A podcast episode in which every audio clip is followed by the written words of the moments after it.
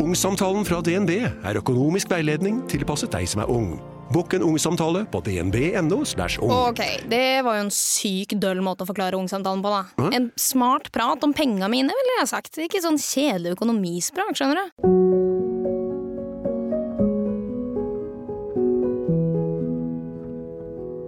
Hjertelig velkommen tilbake til en ny episode i Victoria Skau bryter ned fasaden. I dag så har jeg fått med meg en helt spesiell gjest. Eh, Et menneske som betyr sjukt mye for meg, og som seriøst er et av de fineste menneskene jeg vet om, sånn uten tvil. Og det er deg, Amalie Olsen. Å, fytti rakkeren, så snill du er. Ja, men jeg mener det virkelig. Altså, sånn, det er en ting jeg har reflektert så mye over, og vi snakka om det før vi begynte å spille inn også, sånn med liksom mennesker man har rundt seg, og det å liksom velge de rette menneskene i livet sitt, da. Ja. Og du er bare seriøst verdens fineste menneske. Jeg har alltid vært en person, og det har jeg også fortalt om i podkasten, som har hatt veldig eh, trust issues. Hatt veldig problemer med å åpne meg for folk, eh, og slippe folk helt inn, basert på andre eh, relasjoner jeg har hatt i livet, da, enten det har vært kjærlighet eller det har vært vennskap, at jeg har opplevd det å bli svikta veldig mange ganger i livet mitt, og det er jo noe man som menneske tar drithardt på, liksom. Det er jo fader så vanskelig, og det påvirker jo deg i dine neste relasjoner også, og det er noe av det jeg verdsetter aller mest ved vårt vennskap, at du har fra start vært det mennesket jeg bare, uten engang å tenke på det, har bare åpna meg helt for. Åh, like måte. Åh! Ja, men Det er så du er hyggelig. sånn Når jeg tenker på deg, du er så, du er så varm og trygg. Åh. Og det er viktig for folk som oss. Ja. Folk som også Det er på akkurat eh, rett definisjon på det. Altså, herregud, vi har kjent hverandre nå siden 2019, Mm. har vi ikke det? Jo. Vi er jo begge youtubere. Jeg kom jo inn i Splay i sommeren 2019-ish. Innad bransjen, da, så vet man jo hvem hverandre er, Mm. og eh, har jo sett folk før og liksom alt sånt der. Men jeg husker at første gang vi møttes, det var så sjukt merkelig. Ja. Fordi at vi hadde aldri møtt hverandre, vi hadde aldri snakka sammen. Og så tror jeg vi møttes på Splay-kontoret første gang, fordi da hadde vi en sånn workshop hvor eh, vi skulle liksom presentere oss selv og liksom ha en presentasjon for liksom hele Splay og alt sånt der. Og da husker jeg at du har akkurat vært inne, og så kommer du ut, og da var hun bare sånn For faen, halla, der er du! Hæ? Hva? Ja, men det var sånn Til å ikke ha snakka sammen til og med før, Ja. så var det bare sånn Nei, den dama her, hun, hun skal være i livet mitt.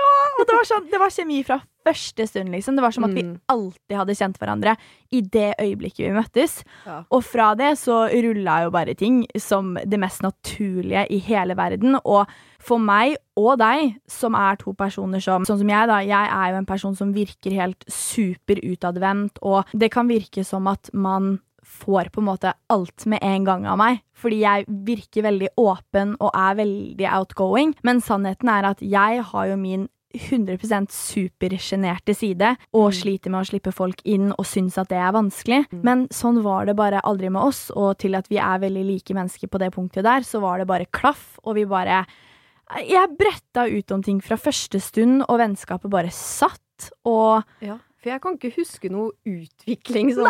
Jeg kan ikke huske at liksom, vi har brukt tid på å bli kjent. Nei! Da Det liksom- var, det var det var- helt Ja, det ble vanlig. sånn. Jeg vet. Og det er jo helt fantastisk. Som sagt, vi ble kjent i 2019. Så ble vi jo PK, jentegjengen. Ja. Eh, som bare plutselig skjedde, det også. Mm. Eh, med deg, meg, Sandra, Agnete og Sara. Fordi vi alltid var de som satt og jobba på Splay-kontoret og ble igjen. Og bare vi bonda alle sammen helt sykt. Mm. Og da husker jeg at eh, det skjer jo ting i livene våre, liksom. Og vi brukte jo da helt enormt mye tid på å åpne oss opp og fortelle om våre livshistorier og alt som det er. Og jeg husker spesielt godt London-turen vår. Ja, ja, herregud. Fordi at det er det fineste jeg har opplevd i hele mitt liv. Altså Jeg tror aldri at jeg har liksom åpna meg så sykt for mennesker som bare Som egentlig har vært der så kort, på en Mm. måte. Men man bare snakka så i dybden på hele livet sitt, og vi bare Mm. Å, fy fader. Det er det fineste jeg har opplevd. Eh, og så skjedde det jo mye i mitt liv på det punktet, og da husker Ja. jeg jo at du var jo den første jeg kom til. Nei, serr. Ja. Å, herregud. Ja. Det tar jeg som stolthet. ja. For jeg husker jeg var sånn Den jeg må snakke med, er Amalie, fordi du er det, det beste mennesket å komme til i sånne situasjoner hvor du bare Du tør ikke å snakke med noen andre om det fordi du er så redd for reaksjoner, men du er bare Du er så åpen og genuin og fin mot absolutt alle mennesker, og det skal du virkelig ha, liksom. Åh, Det snilleste mennesket. I like måte. Herregud, det mener jeg. Takk. Å, nå ble jeg ble Veldig ja. Og eh, som sagt, vi har jo vært gjennom helt sykt mye på hver våre kanter, og vi har jo en eh, ganske så lik historie på ett punkt, fordi i podden så eh, bestemte jeg meg jo for at Ja, det heter jo Victoria skal jeg bryte ned fasaden. Jeg skal fullstendig bryte ned fasaden min, og For det er jo sånn, man er jo seg selv på sine andre sosiale medier, men man er nok også, eller for meg da, så har jeg kanskje virka litt karakter, fordi at jeg er veldig sånn, spesielt på YouTube, da, fordi det er underholdning, ting skal skje så fort. Jeg er alltid den sprudlende, happy wow-personen. Og så har jeg syntes det har vært helt sykt skummelt å skulle på en måte slippe den maska og la folk se hvem Victoria Skau er på innsiden, fordi jeg har vært så redd for at å nei, tenk om ikke folk kommer til å like meg da. Ja. For jeg tenkte sånn, ja, de elsker jo den sprudlende happy-go-lucky wow-siden der. Ja. Men sånn, jeg har jo flere lag enn det. Mm. Jeg er som Så- en løk. Ja, som en løk! og det var det jeg ville vise i den podkasten her, og en av de første episodene jeg hadde, var jo denne episoden hvor jeg forteller om sannheten bak mitt forrige brudd. Ja. Um, en episode som var helt sinnssykt vond å spille inn. Jeg tror alle jeg har vært så redd før, var usikker på om jeg kom til å legge den ut i det hele tatt. Mm. Um, fordi det er så sårbart å snakke om. Kjærlighet er så sårbart å snakke om. Jeg føler det er liksom noe av det mest ekte vi har, og noe av det vi alle mennesker føler så sykt sterkt på, og noe alle kan kjenne seg igjen. Og utad så var jo det forholdet jeg var i, superbra. Altså Det var jo helt i starten av liksom YouTube-karriera, eller hva man kan si. Så det var jo ikke så veldig mange som hadde fått med seg forholdet samtidig som det var. Fordi du, det kjenner jo sikkert du igjen, liksom. Så fort man nevner kjæreste på sosiale medier, at folk klikker jo. Hvem er det, hvem er det? Hvem er det? Altså, og, så lenge man snakker om en gutt, så begynner jo Jodel og alt det der. og Bare, hvem er det, hvem er det? Og så begynner folk å finne på falske navn og Ja, ja. Jeg føler helt. det er kjæreste og kjærlighet som står i fokus, og du kan helt sikkert kjenne deg igjen at hver gang man har spørsmålsrunde, da, for eksempel 90% av spørsmålene er Er du singel? Har du noen sykkel? Har du kjæreste? Hvordan går det på guttefronten? Ja. Så det er jo ikke rart at det på en måte ble et stort fokus siden jeg starta på YouTube og da hadde kjæreste. Og som sagt, det så jo ut som et eh, kjempefint og flott forhold. Det forholdet hadde sine fine sider også, men det jeg verken fortalte til venner, offentligheten, selv ikke familien min, var jo at det forholdet var så sykt mye mer enn hva jeg ga uttrykk for. Fordi Mm. ikke bare fortalte jeg ingenting på YouTube, men jeg jeg, ingen andre visste Mm. om hvordan jeg hadde det. Og det er jo noe du kan kjenne deg igjen i også, fordi eh, når vi er inne på dette med kjærlighetssorg, kjærlighet, vonde og vanskelige relasjoner, så Mm. la jo du ut en kjærlighetssorgvideo på Ja. YouTube. ja, det gjorde jeg. Mm. Når er det, når, hvor lenge siden er det nå? Det var i 2020? Ja, det var vel i april i fjor, så det er jo et år siden. Et år siden, ja. For jeg husker at eh, på 17. mai så var det snakk om at personen det gjaldt, hadde prata rundt Mm. om det. Og da, det må ha vært sånn starten av mai slash slutten av april. Noe Ja. sånt. Fordi dette er jo en historie jeg har visst om før du gikk ut med den offentlig. Mm. Men hva var det som gjorde at du fikk lyst til å dele den historien? jeg husker at uh, når jeg hadde kjæreste, da Mm. uh, Den videoen handla om var jo ikke en kjæreste, men, men det var en relasjon. Mm. Og når jeg hadde kjæreste, um, så hadde jeg jo kjærlighetssorg da òg, og det var jo vondt da også, men ikke på langt nær like ille som det var nå eh, den siste. Og da så jeg Therese Lindgren sin kjærlighetssorgvideo, og jeg husker den hjalp meg. Fordi, jeg vet ikke, det var et eller annet med å bare høre at folk har også gått gjennom noe. Jeg syns at kjærlighetssorg er så undervurdert. Fordi det er så Mm. normalt å ha det at folk ikke ser liksom hvor seriøst og hvor vondt det egentlig gjør. Men også den videoen, altså den var jo så filtrert som det gikk an, da. Jeg har jo ikke det egentlige som på en måte har skjedd bak, eh, bak. Ja, det har jeg jo ikke sagt offentlig, og det tror jeg egentlig ikke at jeg kommer til å på en måte brette ut om 100% heller. Fordi Nei. Det er veldig personlig, og um, jeg tror jeg vil vente et par år med å gå ut med hele greia. Mm. Men eh, det var i hvert fall hovedsakelig kjærligheten i den videoen som jeg syntes var viktig å snakke om, da. Jeg vet det kan hjelpe folk. Og det er jo det som er så viktig, fordi man føler seg så sinnssykt alene når man står i ting. Mm. Selv om det er så forbanna mange som har vært i lignende eller like situasjoner, og som kan kjenne seg igjen i akkurat det samme. Og derfor er det så sykt viktig å prate om det. Og det er derfor jeg er så sjukt glad for at du laga den videoen, fordi det er din historie. Du har lov til å fortelle den, og det er jo sånn jeg også satt og følte på, at man er så sjukt redd for å tråkke noen på tærne, man er så redd for å såre noen, støte noen, sånne ting. Men herregud, det er noe du har gått gjennom. Ja, det er jo våre følelser og vår erfaring, og vi kan jo si hva vi har følt, og vår side av saken i våre følelser. Ja, Altså, uten å på en måte bli skjøtta ned av personen det gjelder. mm. Det, det er jo ikke han det handler om. Det Nei. er jo våre følelser. Mm. Og, og det var jo også liksom Jeg tror det hjalp meg å legge ut videoen, fordi da på en måte var jeg også litt ferdig med det kapitlet også, på en måte. Ja, blir det litt sånn avslutning, på en måte. Ja. Men eh, til de som ikke har fått med seg denne videoen, da, vil du fortelle litt? Jeg eh, var i en relasjon med en fyr. Vi var ikke kjærester, men eh, vi var eksklusive, og det hadde vi prata om. Men vi var ikke fuck friends heller. For det hadde jeg sagt nei til, for det hadde jeg gjort før, og det var ikke helt min greie. Og det starta veldig fint. Han var en veldig sånn spesiell fyr på en bra måte. Sjarmerende, søt, rar fyr. Jeg husker liksom det var så mye sånn som gjorde følelsene så intense, på en måte, fordi han skulle liksom ta med meg steder og vise meg ting. Vi var på ferie sammen i ja, et land, jeg gidder ikke å si, for da kan folk skjønne, men hytteturer og ditten og datten. Jeg var veldig mye med familien hans også, som gjorde det enda mer nært. Mm. Og så Han var jo kanskje Det var røde flagg hele tiden, men jeg falt jo så, så jeg ble jo så Ja. blind. Altså, alle de tingene, hadde det skjedd nå, hadde jo gått for lenge siden. I min mening så ble ikke jeg behandla noe bra i det hele tatt. Jeg satt hele tiden med en følelse av at jeg ikke er bra nok. Av hva skal jeg gjøre i dag for å på en måte Hvis han kunne si sånn åh, fy faen, du er så klengete. Jeg er ikke en klengete person. Mm, nei, det er jeg er absolutt ikke ikke. noe kosete med folk heller. Jeg er Mm. veldig sånn Jeg trenger space. Mm. Men han oppfatta det sånn, og da tenkte jeg ja, ok, i morgen så er jeg ikke det. Men da var det noe annet som var gærent. Og så noe annet, og så noe annet. Så jeg følte at jeg hele tiden ikke nådde opp til hans forventninger til meg. Han var ikke akkurat så tillitsfull, til tross for at vi hadde en avtale om at det var oss, selv om vi ikke var kjærester. Han hadde jo til og med sex med venninna mi. Og jeg føler, jeg har ikke spurt henne om jeg kan snakke om det, men eh, vi har ordna opp, og vi er fortsatt venninner. Mm. Men eh, det var jo Det var jo dritt. Mm. Fordi jeg fikk jo ikke vite om det før et halvt år etterpå. Jeg hadde også en frykt om at han skulle gjøre det med henne, fordi han hele tiden hadde uttrykt at hun var så pen og flott og sånt. Alt i alt så var det liksom et forhold som trigga veldig mye i meg. Jeg begynte jo psykolog, for jeg kjente at det er følelser som kommer tilbake fra langt tilbake da, som jeg ikke har bearbeida. Og det ble dratt opp igjen. Og jeg gikk ikke til psykolog fordi han såra meg.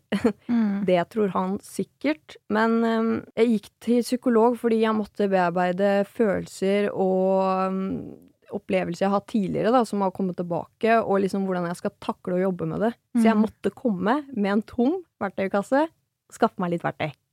Ah. Så jeg går ikke til psykolog nå, for nå har jeg fått et par skiftenøkler og hamrer, så da kan jeg snekre meg et hus. Det er jo nydelig. Hvor lenge varte relasjonen mellom dere? Det er litt morsomt, fordi det starta jo um, i sånn april det året det var, og så husker jeg at jeg avslutta det i sånn november, slutten av november kanskje. Mm. Så ikke et helt år, men ikke et halvt år heller. Litt over et halvt år, kanskje. Ja, men tenk, altså det er jo lenge. Ja ja, og til tross for at jeg bodde hjemme hos foreldrene hans hos i nesten to måneder, altså jeg vil jo heller være der enn å være hjemme alene, liksom. Det som har gjort at det har tatt så lang tid å komme over det, da, er at han var jo alltid der, i gjengen. Mm. Jeg så han hele tiden. Jeg kunne ikke unngå å dra på fest, fordi han var der. Jeg måtte eh, på en måte skjule mine egne følelser og drite i hva som var best for meg, fordi jeg ville gjengen min sitt beste, da, og da måtte jeg late som at jeg kunne omgås med han, da. Måtte late som at jeg var vennen hans. Og det gjorde jo også det at jeg på en måte kunne havne i senga med han igjen, Ja, og så bare utsatte jeg å jobbe med det. Det var ikke før nå i sommer at jeg ikke har hatt kontakt med han på Ja, nå har jeg ikke hatt kontakt med han siden i sommer. Mm. Og jeg har ikke sett han heller, for han er ikke, ikke i gjengen lenger. Det er jo deilig for meg, på en måte, for da, da kan jeg tillate meg selv å virkelig avsky. da, da, da trenger jeg ikke å tenke på den, da trenger jeg ikke å fake det. Da, kan jeg bare ikke han i livet mitt. Mm. Jeg tror altså Det du sier der, er seriøst noe av det vanskeligste. Og det tror jeg man kan kjenne seg igjen i, det der om at um, du er i en relasjon eller har kjæreste eller whatever, og så er man i samme gjeng. Det kjenner jeg meg helt sinnssykt igjen i fra mitt forrige forhold. Fordi som sagt, vi var jo sammen i eh, nesten fem år. Vi hadde vokst opp sammen. Absolutt alle mine venner var hans venner, og motsatt. Vi var i samme gjeng, vi gikk på samme skole. En ting jeg er evig takknemlig for, er jo det at eh, da det ble slutt, hadde vi jo slutta på videregående, eh, og det hadde liksom gått et helt år etter videregående, så folk hadde liksom begynt å gå litt sine separate veier. Mm. Så det var liksom ikke den derre kjernegjengen igjen. Fremdeles så var det jo fester man ble invitert til, hvor man visste den andre også var invitert. Hvordan faen dealer man med det, liksom? Og sånn mm. som med deg, da, så er du kjempe Eller det føles jo veldig lett å gå tilbake og kunne liksom ligge med personen fordi det er en trygghet, du har ligget med en før, men så Det er jo det å liksom unngå det etter man har vært i en så jævlig drittsituasjon òg, liksom. Så det er jo så fuckings vanskelig. Det var ikke kjærlighetssorgen av å liksom være glad i han som gjorde vondt. Det var det å sette meg selv opp på hesten igjen fordi jeg hadde blitt så nedbrutt ja. av å bli behandla så jævlig dårlig. Mm. At mitt selvbilde var på bånn, og jeg det, det, var det som tok tid. Jeg har ikke fått det diagnosert, men jeg er ganske sikker på at jeg gikk gjennom en mild depresjon etter det der, fordi hele året etterpå så følte jeg ingenting for noen ting. Jeg greide ikke å kjenne altså, glede over ting som gjør meg glad. Jeg ble ikke lei meg. Det var sånn Det er det vanskeligste året i mitt liv, fordi jeg vet ikke. Jeg, jeg følte ingenting, og det er det mm. verste, å ikke kunne føle noe. Sånn likegyldighet, liksom? Ja. Jeg var likegyldig til alt, og alt bare gikk på autopilot. Det føler jeg er verre enn å faktisk ha det vondt. Ja. Fordi da, da, skjønner du Du skjønner ikke noe. Det er jo som det ordtaket at man vil heller føle smerte enn ingenting. Mm. På en måte. Det er en så tomhetsfølelse og så jævlig, og det er jo helt grusomt at det var den følelsen du satt igjen med etter den relasjonen, da. Ikke bare var det en skikkelig drittrelasjon på mange måter, på en måte, at det skjedde mye ting, mm. men det var så mye det liksom resulterte i. Fordi at det er det jeg tror mange ikke tenker på, at man tenker liksom sånn ok, når noe er over og noe er ferdig, så er det liksom slutt, og så har man kjærlighetssorg, og så går kjærlighetssorgen over. Men mm. shit, så mange problemer det kan være med på å forårsake i ettertid.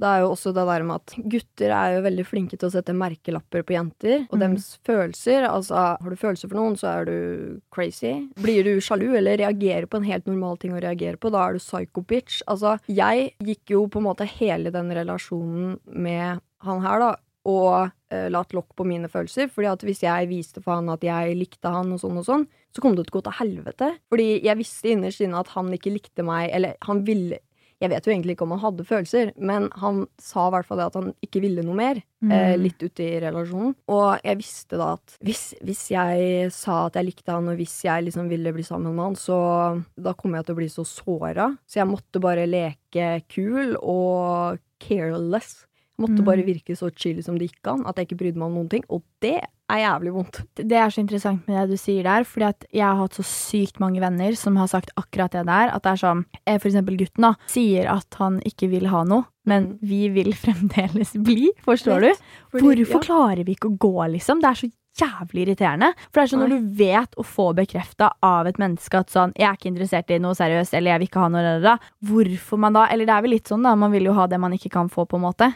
Ja, og så i mitt tilfelle, da, så var jeg allerede rundt uh, lillefingeren hans. Så jeg hadde allerede falt. Det var liksom ikke noe Jeg hadde jo ikke lyst til det. Jeg gikk jo inn med innstillinga at jeg skal ikke falle for den. Mm. Men det er jo et eller annet som skjer. Når jeg begynner å bli bikkje, da er det for seint. jeg gjorde jo alt for den fyren. Mm, det er sånn jeg også er i mine relasjoner, liksom. Og mm. kjenner meg helt sinnssykt igjen i. At det er sånn uh, i forholdet, da jeg har jo snakka om det i min tidligere episode, men i det langvarige forholdet jeg var i, så var jeg sånn Jeg visste så Ja, som sagt, det var fine sider og fine kvaliteter i det også. Det er jo en grunn til at man faller for personen i utgangspunktet, på en ja, måte. Ja, ja. Men eh, jeg visste så sykt godt at det her er så dårlig for meg, liksom. Det mm. her er helt feil. Men igjen så er det sånn Det skjer Altså, det er fysiske reaksjoner i hjernen. Det er hormoner. Man kan ikke styre det. Det er dopamin, det er forelskelsesfølelser, det er avhengighetsfølelser og hormoner som gjør at du bare blendes totalt for alt dritt som skjer. Alle røde flagg, ja, samme det. Og så igjen så forhandler man for at neimen, det, det, kommer til å bli bedre, eller nei, han kommer til å få følelser, da, eller nei, han kommer til å forandre seg, og sånne ting. Man sitter hele tiden og rettferdiggjør alt som skjer, fordi både så er det sikkert en forsvarsmekanisme for sin egen del, at man vil skåne seg selv fordi man vet egentlig hvor jævlig skadelig det er å være i en sånn relasjon, mm. men så vil man så jævlig ha det også. Og jeg er jo også en sånn person som når jeg ser at folk på en måte trenger noen, eller på en måte vi har, trenger hjelp, da. Mm. Så vil jo jeg være den som liksom kommer inn der og gjør livet fantastisk. Ja, I can change you. ja. ja. Og han var jo litt sånn Han er litt sånn bad boy, ikke sant? Ja. Jeg tenkte at nei, nei, men han der kan jeg fikse. Oh, ja, sant. Så det var jo også det, og så var han jo veldig spennende, da, for han gjorde jo litt kødd, og han var liksom sånn gjorde litt sånn, ikke kriminelle ting, men så han, han, gjorde liksom sånne ting jeg ikke gjør, som er ute av min komfortsone. Klatre på tak og sånt. Ja, sant. Og det er liksom sånn, ja, trenger litt sånt i livet mitt, tenkte jeg. Liker Shit, det liker jeg. Bad boys. Ja, men det er jo det som er så, er så sykt liksom, interessant når man ser på det, fordi det er sånn, jeg har blitt stilt spørsmålet flere ganger sånn ah, Liker du bad boys, eller liker du liksom dem snille? Hvorfor ender man alltid opp med å gå for dem bad boys som ikke altså For det er, sånn, det er det som er så rart, at det er sånn de som er sånn ultrasnille, snille som lam, liksom, de er sånn så søt du mm. er! Mm.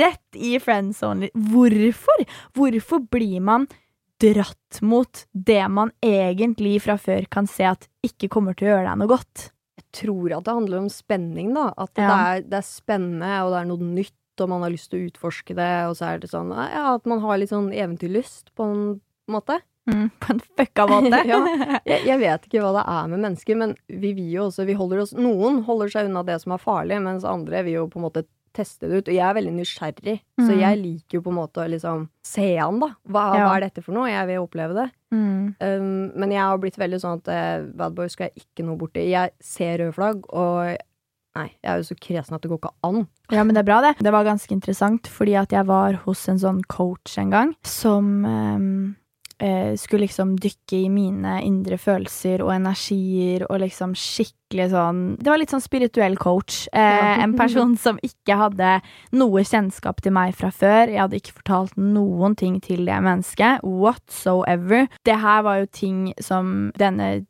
coachen skulle dykke i, som hun aldri kunne ha funnet ut offentlig, liksom. Sånn Ja, hvor bor du? Hvor da, da, da. Det er mm. sånn Det var mine indre, dype følelser som kun jeg visste jeg selv satt med. Og da kommer vi jo inn på dette kjærlighetstemaet, da, fordi hun leste på energiene mine at det var liksom en, et stort fokus i min verden og mitt hode. Noe det er, fordi jeg er en superfølsom person. Jeg faller hardt, jeg elsker hardt, jeg blir såra som faen. Alt mm. det der. Stuper med huet først. Og det hun sa til meg, er at hun kunne lese på meg og se at jeg er en person som er helt sykt redd for å bli forlatt. Livredd for at folk skal forlate meg, så eh, Eller miste noe, noe, fint, da, noe bra, og stå på en måte Eller ha stått, da, så på en måte uttrykt i meg selv at jeg følte meg jo totalt avhengig av et annet menneske for å ikke føle meg alene, ikke føle meg ensom, for å kunne ha det bra med meg selv, på en måte. Mm. Så etter jeg hadde vært hos hun, så begynte jeg å reflektere litt over det der å bli forlatt og sånne ting. Og da ser jo jeg at For jeg er jo veldig på liksom law of attraction, the secret Jeg er jo veldig der eh, alt du sender ut i universet, er det du får igjen. Og i mitt hode og den frekvensen jeg lå på, så var jeg så pissredd for å bli forlatt at jeg tiltrakk meg jo bare folk som kom til å forlate meg. Ja. Og det er litt sånn med andre ting at alt det du har aller mest fokus på i livet ditt, er det du kommer til å få tilbake, uavhengig om det er negativt eller om det er positivt. Og det er en litt sånn game changer, fordi om du er en person, da Jeg har jo, det har jeg jo snakka så vidt om før òg, at jeg tidligere, det er noe ingen kunne ha sett for seg, så var jeg en drittnegativ person. Ja. jeg var så Eller jeg hadde et så negativt mindset på ting, fordi jeg var veldig sånn åh, alt dritt skjer med meg, jeg blir bare svikta, blir forlatt, blir cheata på, blir da-da-da-da. Alt skjer med meg, hvorfor meg? Verdens beste sitat der er istedenfor når ting skjer med deg, da, så ikke tenk hvorfor skjer dette med meg, men hva prøver dette å lære meg? Mm. For det er en syk åpenbaring å få. Da kan du switche om hver eneste situasjon i livet ditt, liksom, til istedenfor å gå i den derre Å, nei, uff, jeg, åh, jeg opplever alt dritt der, der, der. Nei, hva, hva prøver du å lære meg? Hva prøver du å eh, Hvilke erfaringer kommer det til å komme ut av det her, og hva er det på en måte Altså, for alt skal jo styrke deg. Hadde Mm. du tatt fra et menneske alle erfaringene og all motstand og dritt, så hadde du jo mista styrken du sitter med i dag òg. Ja, ja. Det er en litt interessant tanke, sånn om det er mange som har liksom vært i skittige kjærlighetsrelasjoner. Tenk på hva du sender ut. Mm. Jeg tror at så altfor mange sitter med fokus om at Jeg har jo også hatt veldig den der hat og gutte-mentaliteten. Har dratt alle under samme kam og tenkt at Mhm. alle kommer til å behandle meg likt og da, da, da, da. Men det er Mm. fordi at jeg har kun tiltrukket meg folk som ikke er på lik liksom, frekvens som meg, Mm. fremfor å tenke på alle de fantastisk fine menneskene som finnes, og alt det bra jeg kommer til å få oppleve. For det er så mange fine mennesker, selv om det er liksom ikke- vanskelig å se når man Nei. står i sånne relasjoner som jeg har vært. Nei, det er det jeg tror folk burde liksom keep in mind, at enn så lenge, da, på den veien, fokuser heller på å jobbe med deg selv, og det er jo noe vi to har gjort. Mm. Fordi hvordan følte du veien var videre etter denne relasjonen ble avslutta? For det første så har jo jeg alltid vært en guttegæren person. Altså, mm. pappa har kalt meg flyfilla hele livet. Men eh, etter den relasjonen så har jeg ikke involvert meg kjærlighetsmessig med noen. Jeg har jo ligget med folk, men det har jo ikke betydd noe mer enn sex. Nei. Og jeg tror jeg har trengt det. Å være alene, for jeg kan ikke huske sist Altså før denne relasjonen her, at jeg var helt alene uten å snakke med én spesiell gutt. Altså, jeg har alltid liksom hatt en å snakke med, eller hatt en å liksom henge med, men ingenting Mm. siden. Det har vært ubetydelig ligg. Ja, sant. Og- Men har du ja. tidligere følt deg litt avhengig av å ha noen andre der? Ja, absolutt. Altså, jeg har alltid vært veldig sånn selvstendig, og liksom det har jo mamma og pappa sagt til meg hele livet, at jeg fikser ting sjøl, jeg vil finne ut av ting sjøl, ditten og datten. Men når det har kommet til gutter Jeg har alltid hatt et uh, stort uh, bekreftelsesbehov fra gutter. Ja. Og jeg kan jo tenke meg hvorfor, men jeg føler liksom at eh, etter denne relasjonen her, så har jeg liksom Nei. Jeg, jeg, jeg blir nesten irritert på liksom Sitter jeg på Tinder, og gutten kan bare si alt i god mening, men altså, jeg blir så irritert, jeg, for det er en så Mm. teit sjekkereplikk. Og så greier jeg ikke å se at han egentlig syns jeg er fin og flott, eller et eller annet, og vil bli kjent. Nei, jeg blir bare sånn Ja, man klarer liksom ikke å ta det imot, forstår du? Men og, Men jeg føler jeg har blitt litt bedre på det nå i det siste året, da, å på en måte ta imot litt sånn komplimenter fra gutter, og på en måte bli kjent med folk, men det har vært veldig sånn vanskelig, og jeg har ikke vært jeg tror ikke jeg har vært redd for å bli såra på nytt, men det er bare den derre redselen for å føle seg så jævlig lite verdt igjen. Og bli brutt ned sånn igjen, fordi det tar så lang tid å, å reparere igjen, da, på en måte. Det er det. Og det er det som, det er det som skremmer meg, egentlig. Ja, det er så sant det du sier, fordi at jeg eh, husker så sykt godt etter den relasjon Eller relasjon og relasjon, det var jo et superseriøst forhold, vi skulle flytte sammen og få barn, liksom. Relasjon. så husker jeg at eh, jeg inngikk en pakt med meg selv, eh, hvor jeg lova meg selv Jeg husker jeg sto i speilet og var sånn skikkelig alvorsprat med meg selv, og sa sånn Victoria, her og nå, du skal love deg selv å aldri forelske deg igjen. Ja. det er Sånn du Sier sitt. Ja. Det var nesten. Det er fælt å si, men det er nesten så jeg følte at de fem årene ikke var verdt eh, den smerten jeg ble sittende igjen med ettertid, og alt, alt hva det ødela for meg, på en måte. Ja, ja, men det forstår jeg jo. Men nå ser du jo hva det på en måte har uh, styrka deg med, da. Ja, absolutt. Det du sier da med det å føle seg så jævlig lite verdt, eh, Mm. fordi man føler seg jo rett og slett som altså, søppel. Og det er det jeg tror er noe av det som fucka opp meg mest etter, den, eh, usunne, etter det usunne forholdet jeg var i. Fordi, som sagt, det var et så seriøst, langvarig forhold. Jeg hadde gitt Som sagt, jeg er en person som elsker hardt og vil gi alt, og bli bikkje, jeg òg, liksom. Jeg Mm. var ikke kontrollerende eller sjalu eller noe. Jeg var bare sånn you do you, vær så god. Jeg var bare Jeg var så avhengig av å ha han. Fordi jeg var sånn Hvordan skal jeg overleve alene uten han? Han hadde på en måte, og det er det som er fælt, fordi et forhold eller en relasjon, det skal ikke bli hele livet ditt. Det skal være en bonus og en fin ting. Det er ikke liksom at eh, ja, jorda skal dreie seg rundt det, liksom. Nei. Men det ble det jo for meg, da. Fordi herregud, han var alltid min verden, og jeg elska han av hele mitt forbanna hjerte. Til tross for alt det som var dritt, da. Og det var det som var så vanskelig når det forholdet tok slutt, fordi jeg hadde Jeg følte regelrett jeg hadde kasta bort fem år av mitt liv. Det var så kjipt å sitte igjen med den følelsen at jeg hadde da vært i forhold nesten hele ungdomsskolen og hele videregående, og var sånn Tenk alt jeg kunne ha gjort. Sånn Ja. Eh, Man tenker jo ikke det når man er i et forhold, liksom, men all moroa jeg, moro jeg kunne ha hatt med liksom å bli kjent med nye folk, eh, finne meg selv litt, fordi jeg bare mista meg selv i det forholdet, fordi jeg var Mm. så overly obsessed med han, Mm. og forholdet var alt som sto i hodet mitt, at jeg dreit i å bli kjent med nye mennesker, jeg dreit i å finne meg selv, fordi at jeg hadde jo han. Mm. Så da var det liksom, da var det greit.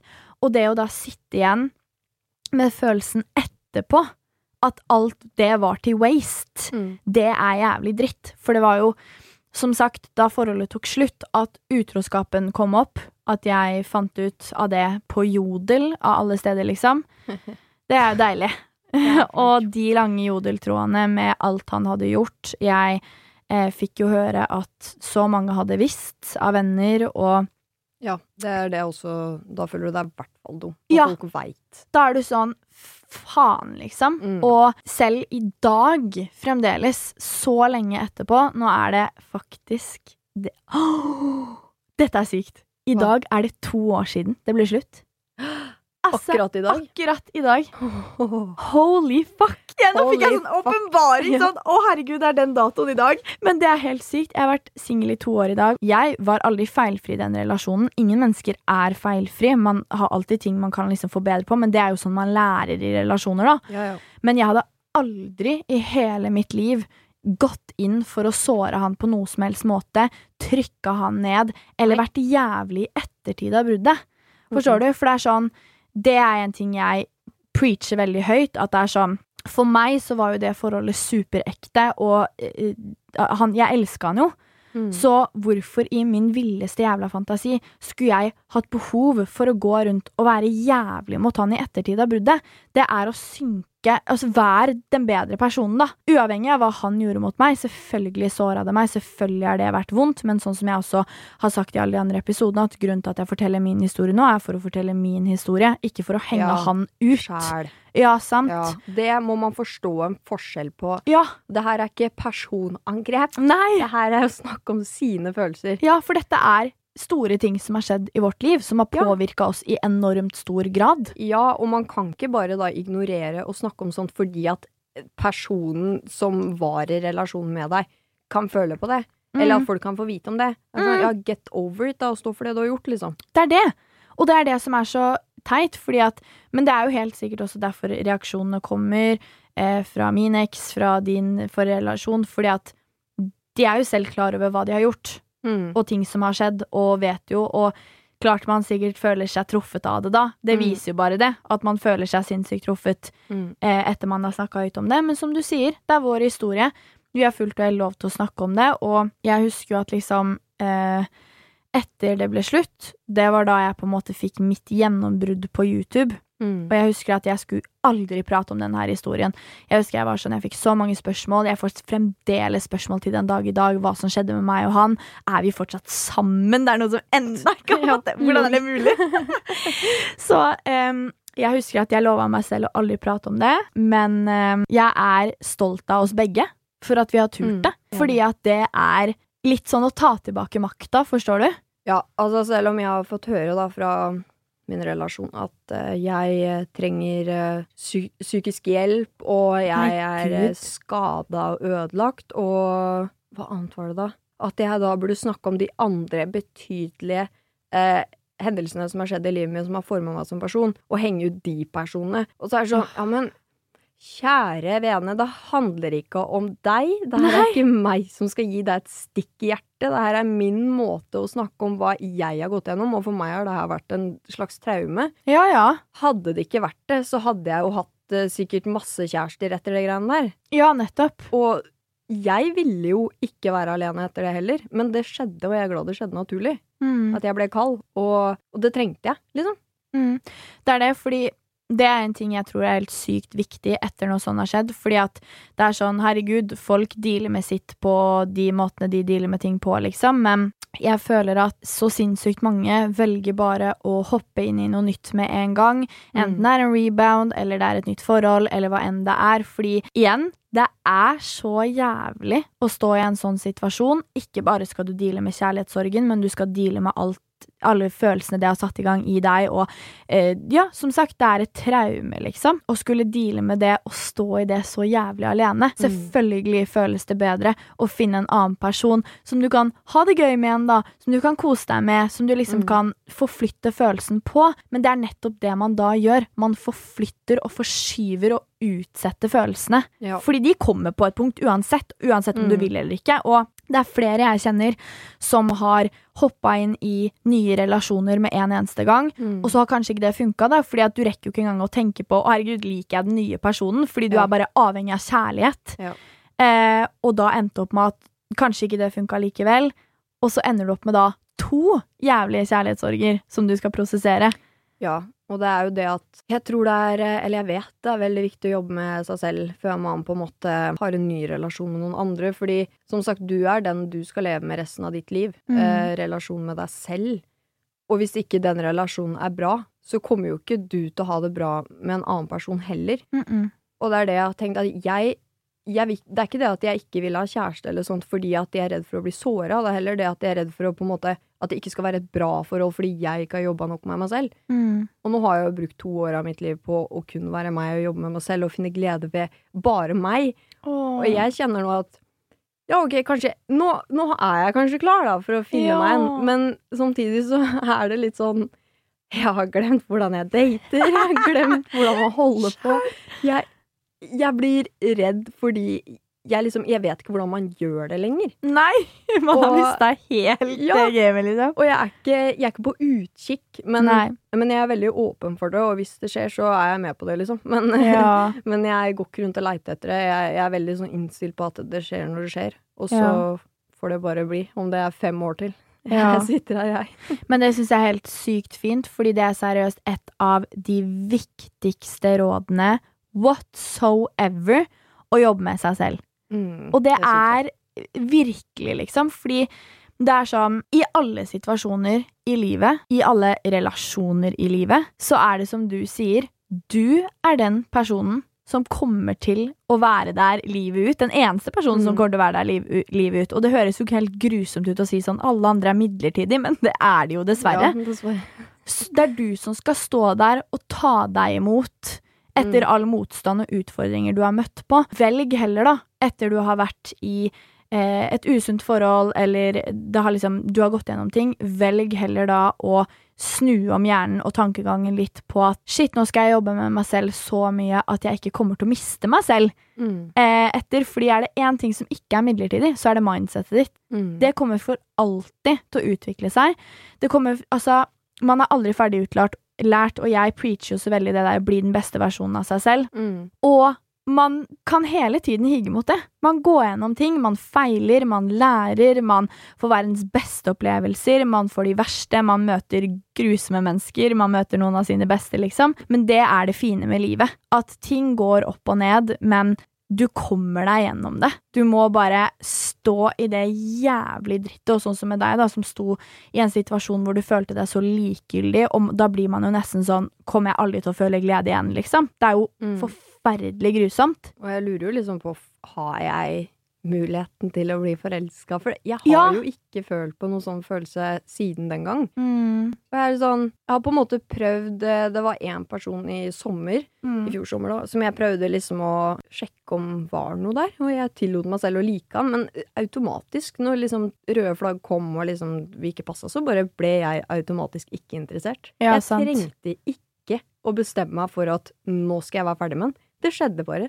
Og det var så digg. Men det syns jeg er helt sinnssykt bra å høre. Altså, det Ja. gleder hjertet mitt, fordi det viser bare at du er på et stadie hvor du har jobba så mye med deg selv at så fort du ser røde flagg eller ting dukker opp Fordi hadde dette vært liksom the one, så Mm. hadde jo ikke røde flagg dukka opp, sant? Så det Nei. viser jo bare at du i deg selv er så trygg til å vite at ok, om denne relasjonen ikke lever opp til forventningene mine, så Mm. er det ikke et problem å gå. Mm. Og det er dritbra, for det viser bare at Og det handler ikke engang om at du er kresen, det handler bare om at du har hevet standarden din. Fordi Mm. jeg har vært veldig der i livet at jeg har vært sånn Har hatt et sykt, sånn som deg, da, bekreftelsesbehov fra gutter, og er veldig sånn avhengig av andres kjærlighet fremfor å gi den kjærligheten til meg selv. Fordi Ja. jeg følte at kjærligheten til meg selv, den finnes ikke. Jeg er nødt til at noen andre skal elske meg for at jeg Mm. kan elske meg. Men helt ærlig, det stemmer ikke. Kjærligheten til deg selv, den finnes, liksom. Du kan bli dritfornøyd med deg selv. Du kan elske deg selv, være din egen beste venn. Du må bare jobbe med deg selv nok til å komme til det punktet. Og det er jo helt fantastisk å høre at det har jo du. Ved at du klarer å gå fra ting som ikke liksom serverer deg det det skal servere deg, på en måte Ja. og gjør bare at ok, fett, da har du enda bedre tid da, til å jobbe med deg selv, til Mm. liksom en enda bedre person kommer igjen, og det at du har blitt så liksom observant på røde flagg, og er så flink til å se at shit, det der er ikke for meg, fett, da stikker jeg, og thank you Mm. next, liksom. Ja. Og det er helt sykt bra. Fordi at det man ofte har en tendens til i relasjoner, det er jo å sette, det kan du helt sikkert kjenne deg igjen i, at man setter en person på pidestall.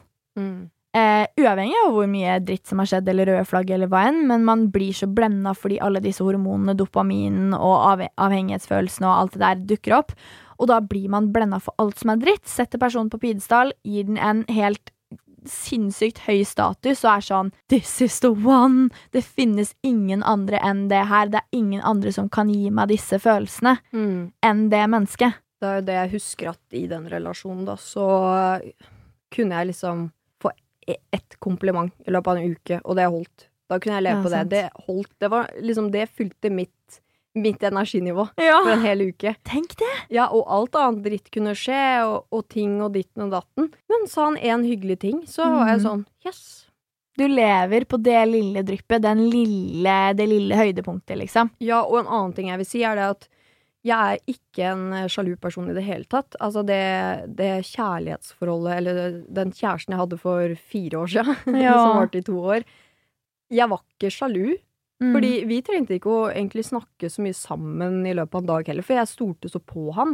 ja. Selv om det heller ikke var på en måte det beste forholdet, så når jeg ser tilbake på det forholdet nå, så er det sånn wow, han elska meg på ekte. Eller han var i hvert fall veldig forelska i meg på ekte. ja. Det er den eneste gutten jeg veit om som har vært forelska i meg. Shit. Men når man er i et forhold med en man ikke har tillit til, og man hele tiden er, står i frykt at det skal skje noe, uansett utroskap og alt det der, det er utenfor din kontroll. Det skjer uansett om du vil det eller ikke. Mm. Men altså, jeg ble jo, jeg ble jo sjalu. Fordi Ja. jeg, ble, jeg sto på vakt hele tiden for at ting skulle skje, for å på en måte ja, passe på at jeg ikke ble såra. Mm. Men en ting jeg har lært, er det at det hjelper ikke. For det gjør det nesten kanskje bare verre å bli masete og være en håndfull. Ja. Fordi um, da føler jeg at personen mer blir pusha til å gjøre ting, tingene du er redd for. Fordi Ja. du blir mye. Mm. Og det er en ting jeg har lært at uh, får jeg mistanken, så bare setter jeg meg tilbake, og så hvis det skjer, så får jeg vite om det, og da er det over, liksom. Mm. Jeg kan ikke forhindre det. Nei, det er helt sånn som du sier. Altså, folk kommer til å være utro uansett. Altså, sorry to say, liksom. Uansett hvor livredd man er for det, hvor mye man ytrer det for den andre parten. Du kan ikke stanse det, liksom. Og det er jo det jeg forsto, at uansett hvor mye jeg trodde at uh, fyren jeg var i et forhold med, elska meg, og vi var hverandres beste venn og trygghet og alt det der, han var utro for det, ass. Og det kommer ikke alle til å være, men det var bare jeg som var dum og levde på høydepunktene, jeg òg. Mm. Og unngikk alt som jeg så så tydelig at ikke var bra. Det er dritfarlig, helt ærlig. Det er det. Ja. Og apropos utroskap, så jeg har aldri vært utro.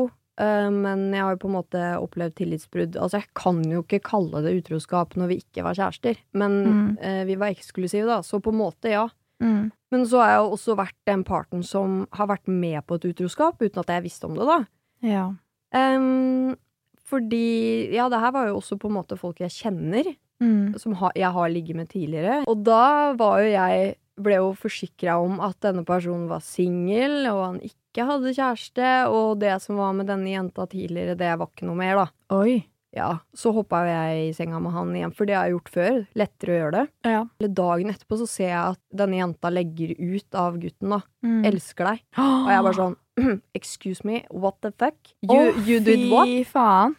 Og jeg er så imot utroskap. Altså, Sjæl. æsj! Ja. Og så sitter jeg der og har vært med på det. Men samtidig, det er ikke min skyld, fordi jeg ble Nei. løyet til. Ja. Og jeg ble backstabba.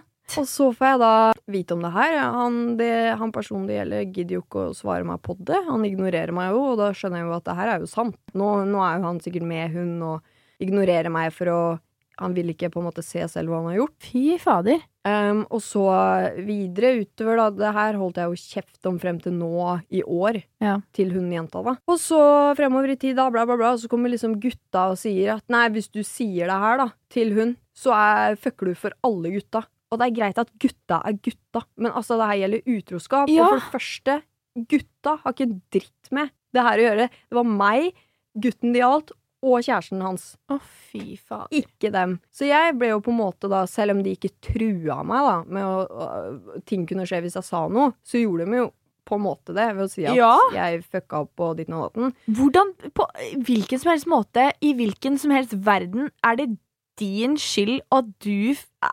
Nei, altså det her var ikke alle gutta, jeg kan ikke si det, men det, det var en eller to av gutta som sa det til meg da, på en fest. Og så gikk det litt lengre tid. Det her skjedde igjen senere samme året, tror jeg, og da var det slutt igjen. Mm. forsikrer jeg meg om, og da, på, da trodde jeg på det, fordi det hadde vart eh, Og jeg var jo veldig, jeg er veldig naiv, så jeg tror jo på folk med en gang. Ja. Jeg er sånn Ja, ja, ja, det er sant, ja, men greit, jeg tror på det. um, og da på en måte hadde jeg også på en måte sett da at det ikke ble lagt ut noen bilder og sånn og sånn flere uker i forveien, så jeg tenkte sånn Ja, det må jo være sant, og flere i gjengen var sånn Ja, om det er slutt, liksom. Mm. Så skjedde det samme igjen. Jeg lå med han. Det jeg får vite om da etterpå, er det at um, det var ikke bare meg den kvelden. Fordi på rommet ved siden av så var det en jente han hadde vært med Å, fy minutter før. faen. Uh, og igjen, han uh, var vel da sammen med hun også, på en måte. Jeg vet ikke. Altså Ja. Så jeg har jo på en måte det Og det verste med det er det at jeg måtte da møte kjæresten eh, på flere Ja. fester eh, hjemme hos meg også, mm. og måtte holde kjeft. Og Shit. jeg liker hun kjempegodt, men jeg har alltid følt at jeg ikke kunne på en måte tillate meg selv å bli ordentlig kjent med henne fordi jeg satt med den hemmeligheten. Ja, sant. Oi, ja, det Ja. er jævlig. Fy faen, hvordan føltes det? Al- Altså, hadde du dårlig samvittighet? Dette er jo 100 hans feil, Ja, ja. men du som meg er jo et samvittighetsmenneske. Det å gå og vite det, og så har du egentlig dritlyst til å bli kjent med henne, men du vet du bærer på en jævlig hemmelig Altså, Mm. hvordan deale med den situasjonen? Nei, og jeg hadde jo også da snakka med min beste venninne om det her, og vi hadde liksom planlagt det lenge hvordan jeg skulle si det til hun. Om jeg skulle sende melding, om jeg skulle spørre om vi kunne møtes på en kafé, om hun ville komme til meg, skulle jeg ringe. Jeg hadde planlagt det her så lenge i huet mitt, men jeg er så konfliktsky. Mm. Og det handler ikke om at jeg må ta opp på en måte en fight om noen som behandler meg dårlig. Det handler jo også om det her å fortelle om noe jeg liksom har gjort, da. Ja, selv om det ikke var min skyld. Mm. Um, For det var ikke bare du som skulle si at ei, kjæresten din er utro, nei, nei. men det var jo du som Ja.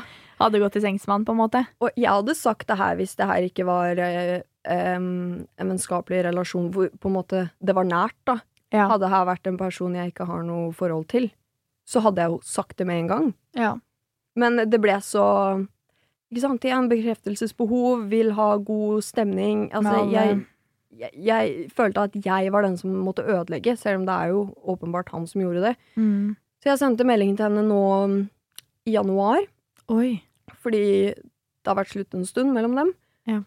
Og um, hun var jo bare veldig glad for at jeg sa det, og hun sa det jo selv at jeg vet hvor sterkt du er imot utroskap, så du må ikke tro at jeg er sur på deg eller noen ting. Jeg skjønner at det er hans feil. Mm. Og da bekrefta det bare enda mer hva hun har gått og vært usikker for i mange år, da. Eller når de har vært sammen. Jeg vet ikke hvor lenge de var sammen engang. Et år Mm. eller to eller tre, eller ja. Vært av og på. Og um, For hun hadde jo da tydeligvis tatt opp med han før, da. Med andre. Men hun ble ikke hørt. Og det er, det er ikke noe gøy å stå i den posisjonen heller. Altså enten være den som blir, ut, blir, blir cheata på, eller den som er involvert i cheatinga. Det er det!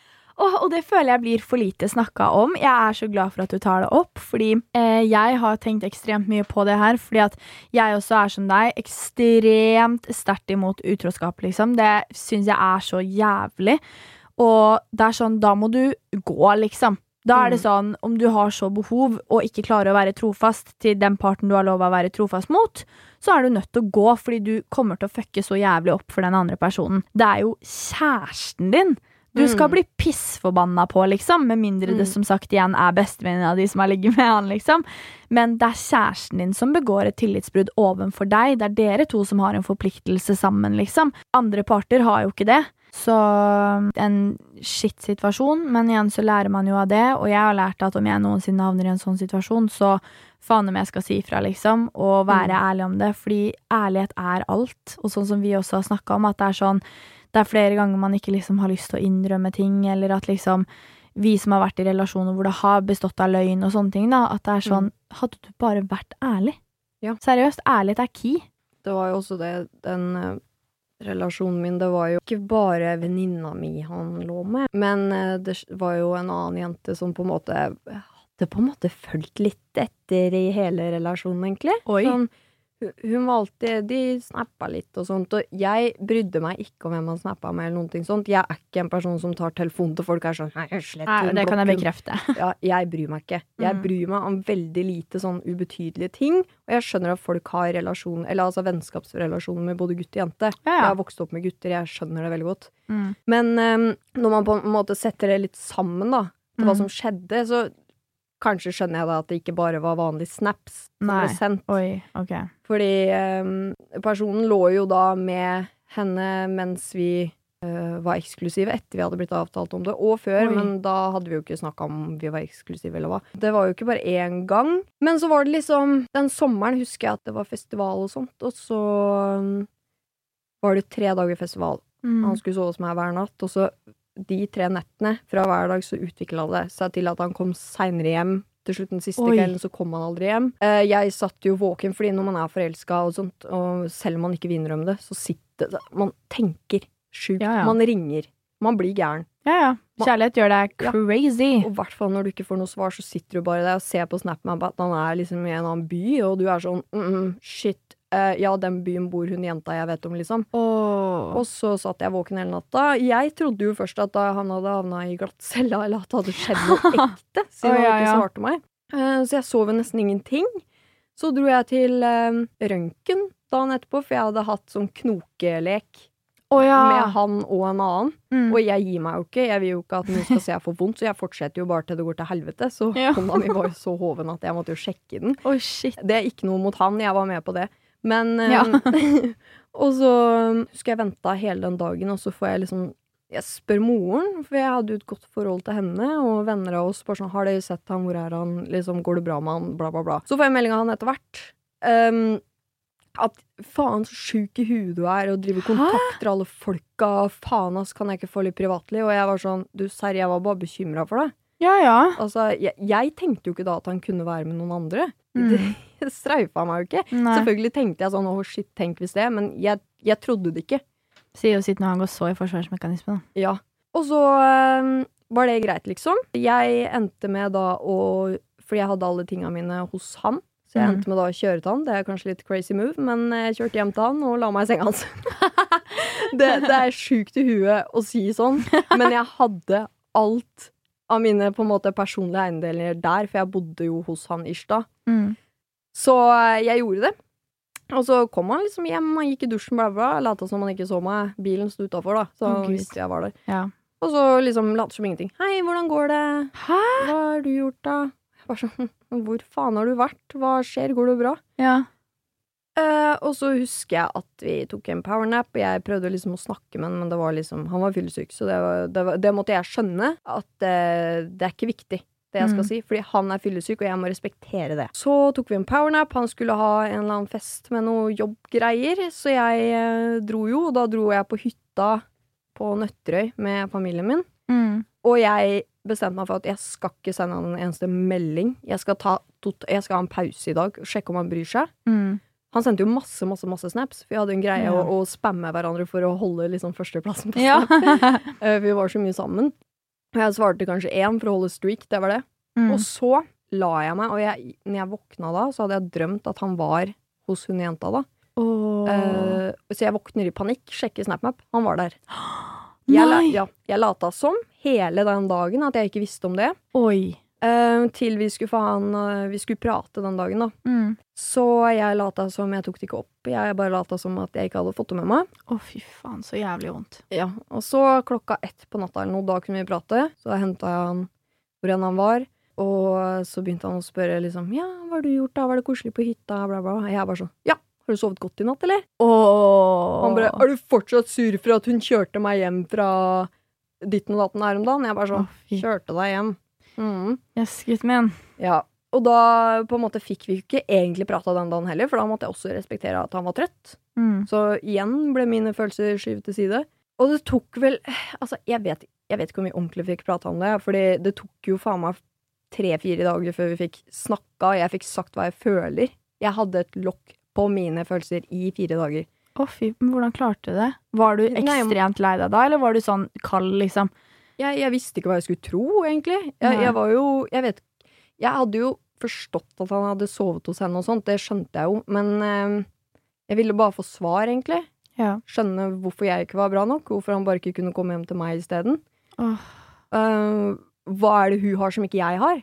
Jeg gjør mm. alt for deg, liksom. Hva, hva er det, hva mer skal jeg gjøre? Mm. Så jeg prøvde jo da å være mer kald og sånt, ikke sant. Men til slutt da så fikk vi prata, og da fikk jeg jo bare høre at jeg var skada og syk i huet og skjønner at jeg begynner hos psykolog og dytten og datten.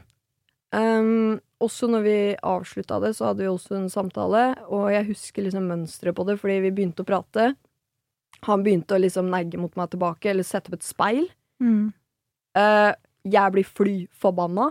Mm. Begynner nesten Jeg tror jeg klappa han på låret. Det er liksom det verste jeg har gjort. Men liksom klappa til han på låret, for liksom Kan du holde kjeft og høre hva jeg har å si? Mm.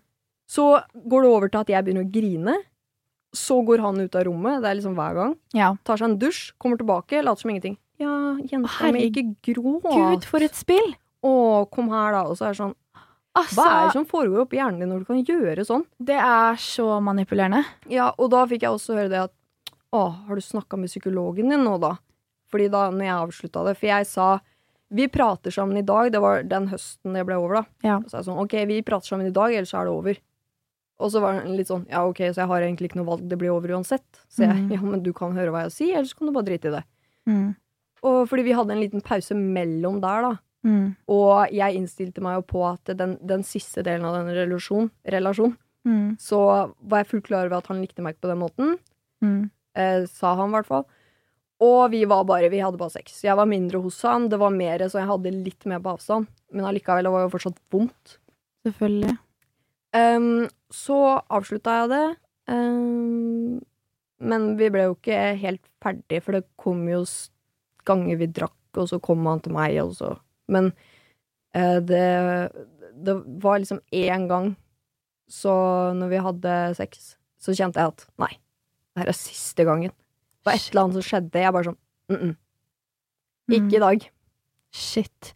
Fikk du noen gang noen unnskyldning Nei. på noe av det han gjorde? Jeg fikk unnskyldning når jeg fant ut at han lå med venninna mi. Det var det. Da sendte han meg masse meldinger. Eh, fordi det som skjedde den dagen Fordi de hadde jo tydeligvis da, etter en fest um, Null skjem til venninna mi, forresten. Vi har snakka om det, og jeg er ikke sur på henne i det hele tatt. Mm. Uh, og jeg vet hvordan han er, så det er liksom Jeg forstår. Ja. Eh, og så Det hadde vel skjedd sånn Ja, litt etter at vi var ferdig. Mm. Men samtidig så hadde han jo ligget med meg etter det har jeg funnet ut av, da. Så ja. så fikk jeg vite om det påsken, så et halvt år etterpå, da. Åh, gud. Ja, og jeg fikk vite om det på påskeleker, og alle der visste det. Shit. Til og med min beste kompis visste det. Jeg sa det til han, jeg bare ja, visste du om det her? Han bare ja, gjorde ikke du? Sånn, Nei, men gud. Obviously ikke, hvis ikke så hadde vel jeg snakka om det til deg. Ja. Eh, Så fikk jeg vite om det. Jeg fikk også veldig høy feber den kvelden, så det var jo liksom alt på en gang. Jeg, eh, vi dro da videre ut på byen etter jeg fikk vite om det. Jeg kjente på at feberen steg. Jeg hadde vel 39 i feber den kvelden. Og så ble jeg sengeliggende etter det fordi jeg var sjuk. Så fikk jeg meldinger fra han. 'Unnskyld, unnskyld, unnskyld', bla, bla, bla. Og så plutselig, to uker etterpå, snudde det om at ja, men du har jo egentlig ikke en dritt med hva jeg gjør, da. Jeg kan jo ligge med hvem jeg vil. Å, gud. Så det er sånn, ja, men jeg trodde du hadde mer respekt for meg enn å ta liksom venninna mi, som jeg også så på som en liten sånn trussel, på en måte, Ja. gjennom hele relasjonen. Det var litt sånn dritt at mange visste om det i et halvt år, og jeg følte meg bare dum fordi at Jeg følte meg ikke Jeg ble ikke lei meg, egentlig. Jeg følte meg bare så jævlig liten og dum. Mm. Fordi her har jeg gått og snakka om han og sagt hva jeg føler, og, og ditten og datten har skjedd, og så har alle sittet der og visst om det. Jeg kjenner meg så jævlig igjen. Ja, Det er sånn Kan du ikke si det? Jeg vet. Det er sånn Ja, det betydde så mye mer for meg hvis du bare sa det. Mm. Ja, og det er akkurat det. Det er bare si det, liksom. Og det at han fikk deg til å føle deg som den crazy i relasjonen, liksom. At det var deg det var noe galt med. Det er bare helt sinnssykt å gjøre. Han mener jo sikkert ikke Altså, han kan jo tenke at alt det her jeg sier er feil og ikke sant og ditten og datten, fordi han har kanskje ikke sett på det her fra mitt synspunkt, da. Jeg tror Mm. ikke han noen gang har vært interessert i å høre på hva jeg føler og hva jeg tenker om ting. Så at jeg, når jeg da har fortalt i kjærlighetssorgvideoen min og ditten og datten hva jeg føler, så er jo det her kanskje nytt for ham, for han har ikke fått med seg, eller han har ikke giddet å på en måte brydd seg om hva jeg har sagt. Mm. Så da får jo han sikkert et sjokk om at oi, shit, hvorfor sier du det her, og ditten og datten, og du kommer etter meg, og blablabla. Mm. Så ja, hvis du hadde åpna ørene dine i to sekund med så kanskje du hadde fått med deg hva jeg mener. ja. Jeg blir sånn Men føler du noen gang at du liksom fikk en closure, siden du fikk jo all den unnskyldning, og veldig ofte så kan man jo sitte med den følelsen at liksom selv om relasjonen mellom dere tok slutt, du virkelig fikk åpna øynene, var ikke blenda av kjærlighet lenger, og så at oi, shit, sånn her har jeg blitt behandla. Føler du at du fikk en closure inni deg? Fordi at mange kan jo føle at de ikke får det, fordi at man fikk jo ikke den avslutningen man føler man fortjener, da. Ja, altså, jeg vet at hvis han hadde sagt unnskyld, så hadde han ikke ment det, for han har bevist det gang på gang etter vi ble ferdige òg. Hendelsen Det har jo skjedd ting etterpå. Det har jo tatt lang tid før det har blitt ferdig. Mm. Og da har han jo bevist det flere ganger at han ikke mener noe annet enn Altså, han, han vil meg jo ikke noe godt. Nei. Det er i hvert fall ikke det jeg har fått inntrykk av, da.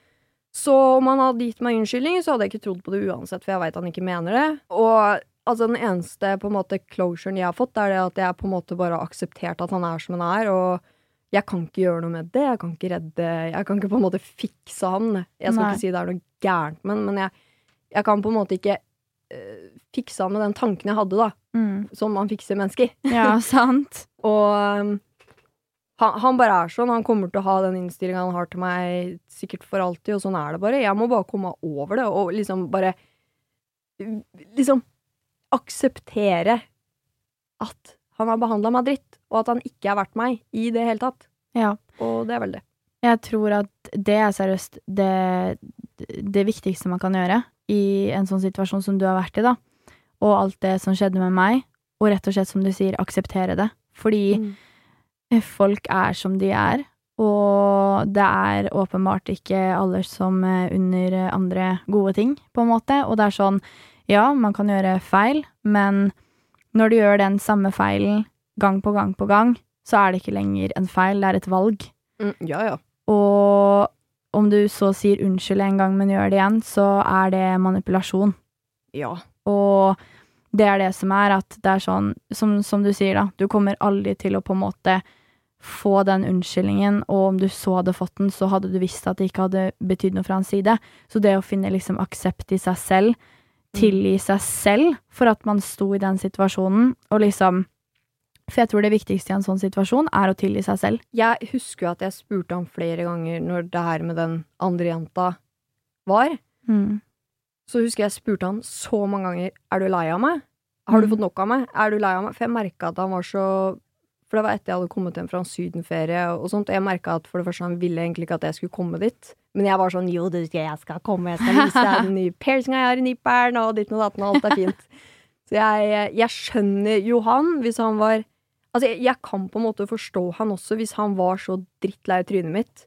Men han, han sa det ikke til meg, da. Og så kan jeg forstå at han gjorde de tingene han gjorde for å på en måte bare få meg vekk. Ja. Og jeg tror egentlig bare han var umoden. Men det hadde hjulpet så fælt hvis han bare var ærlig, da. Når jeg spurte han er du lei av meg, kan han ikke bare si ja, istedenfor Mm. å ha sagt i ettertid du var en jævla håndfull, Ja, du må jo skjønne det, da. Herregud, du var jo ditten og datten. Ja, så si det, da, for faen. Du har aldri sagt det til meg. Mm. At jeg tror vi skal stoppe ditten og datten. Fordi jeg vet ikke hvorfor han holdt på meg så lenge. Hvor, hvorfor ville han være med meg, da?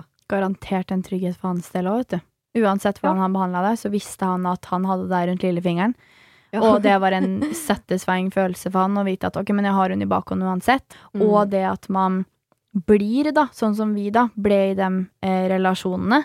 Uansett hva de gjorde. Så da, visst, da viste på en måte vi hvordan de kunne behandle oss. Mm. Jeg mener jo ikke at uh, han er en dårlig person, og jeg har jo sett de fine sidene hans. Det er ikke Jeg- vet at det fins kjærlighet og et godt menneske inni der. Eh, det er bare ærligheten jeg savna så fælt, da.